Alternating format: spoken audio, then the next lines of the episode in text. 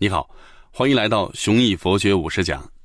上讲咱们谈到，高尔顿为了破解遗传难题，特地调查了高级教职人员的家庭状况。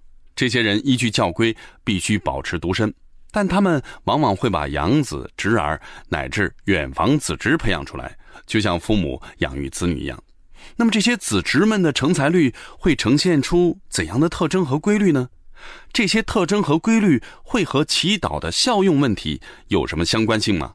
这一讲就来揭晓答案。第一小节正态曲线，高尔顿的统计数据告诉我们，这些子侄的成才率明显偏低。显然，血缘关系越远，优质性状的遗传越少。虽然高尔顿已经用到了很聪明的方法，但我们还是可以有些挑剔。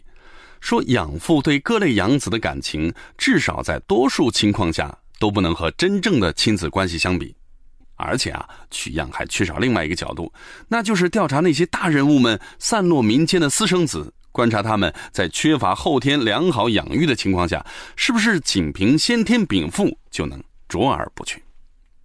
所以，高尔顿的这项研究的严谨性还不能构成很强的说服力。不过，它的一项副产品，直到今天还在不断的被人们提起，那就是回归均值的规律。让我们沿着高尔顿的统计学视角来看社会。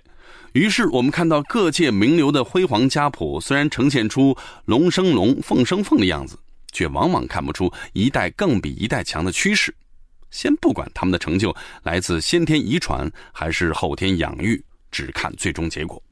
最直观的例子就是帝王世袭。你看，开国君主往往是英明神武，然后呢，一代不如一代，偶尔会出现中兴之主，但是最后的末代皇帝惨不忍睹。在艺术世界里面也是这样的。高尔顿认真画出了巴赫家族的家谱树，核心的位置是约翰·塞巴斯蒂安·巴赫，名字呢是用黑体字标注。前后左右的巴赫们也是大大小小的音乐家。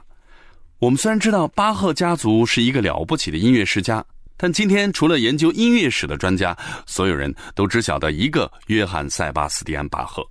我们在聊音乐的时候，如果提到巴赫，不会有人追问你到底说啊是哪个巴赫。约翰·塞巴斯蒂安·巴赫是一位杰出的音乐家，他的子女虽然在音乐造诣上远胜常人，却明显比父亲逊色。这种规律似乎无处不在，比如父母是很突出的高个子，子女的身高虽然胜过常人，却往往呢不如父母。换言之，如果父母表现的超常，子女往往会向正常的方向做一些回归。当我们把大样本的数据绘制为图表，就会呈现一条正态曲线，曲线的样子就像一口钟，所以也叫钟形曲线。正态曲线是在天文观测当中最先出现的，星体位置的观测误差就以这样的规律分布。我们可以想象一下打靶的情形，每次射击都会瞄准红心。一千次射击之后，弹孔会以趋近于对称的分布形态聚拢在红心的周围。无论是神枪手还是普通人，结果呢都会一样。正态曲线原本就是对误差率的描述。人们渐渐发现，自然界的很多现象都会呈现这种规律。终于到了十九世纪初，比利时数学家凯特勒发现，士兵体检报告里的胸围数据竟然也可以画出正态曲线。我们必须留意，曲线虽然相同，但数据的本质已经变了。它所反映的已经不再是观测误差了。换言之，如果对同一名士兵的胸围测量一千次，所有的测量误差当然会形成正态曲线。但凯特勒发现的是一千名士兵单次测量的胸围数据所呈现的正态曲线。这样的发现，在不同的人那里有着不同的意义。凯特勒发现，某次征兵的体检结果里面，身高数值的分布明显背离了正态曲线。结果在深入调查之下，果然发现了有几处征兵机构英姿舞弊。你看啊，这是十九世纪的事情，大数据分析并不是今天才有的新鲜事儿。高尔顿看到凯特勒的研究成果之后，惊喜交加的想到了另外一个解释路径，那就是遗传变异。当时的人们还不了解基因，没有办法解释遗传的原理，所以从大数据分析入手，寻找遗传和进化的统计性规律，这个确实是一个很切实的办法。你不妨呢从回归均值的角度想象一下上帝造人的场面，上帝心里有一个标准的人样，每次都按这个模板去造，但每次呢都有或多或少的误差，就像我们打靶一样。在古希腊，柏拉图就是用这个理由来解释现实世界为什么是不完美的，理念世界又为什么是完美的。从进化论的角度来看，误差就意味着遗传变异，遗传变异总在或多或少的发生，自然选择用不停变换的标准，一次次筛选这些变异成果。好，我们来看一下第二小节，统计学是大杀器。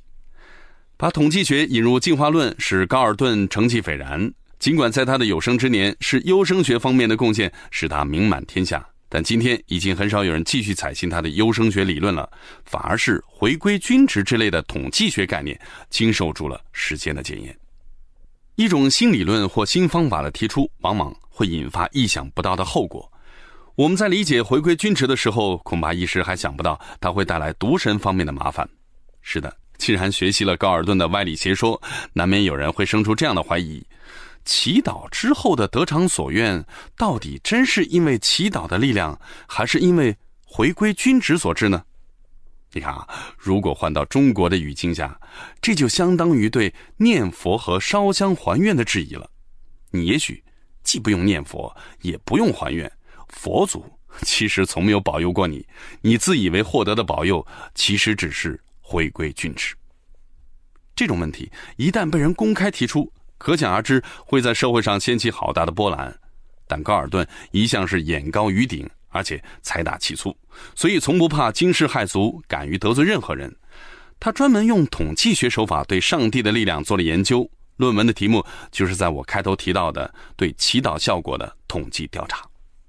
人们祈祷的内容当然五花八门，很难一概而论。但高尔顿特别挑选了一个最容易测量的内容：求生。或者说求上帝救命，反对者也许会说，很多人无论病死还是被杀，都是因为作恶的缘故才被上帝惩罚。无论他们再怎么祷告，上帝呢都不会有一丝垂怜。所以高尔顿的这种研究毫无意义。这就低估了高尔顿了。他特意查阅了婴儿在出生的时候的死亡数据，发现婴儿死亡率和父母的虔诚与否毫无相关性，而婴儿本人当然还没有机会作恶。你看啊，应用统计学来研究信仰问题，成功挑战了一个不可能完成的任务。高尔顿竟然做到了。高尔顿对宗教确实怀有深深的敌意，而难能可贵的是，这份敌意很有学术上和社会责任上的理由。高尔顿认为，正是天主教要求神职人员保持独身的这项规定，使几个世纪以来许多最有天分的人没能生下后代。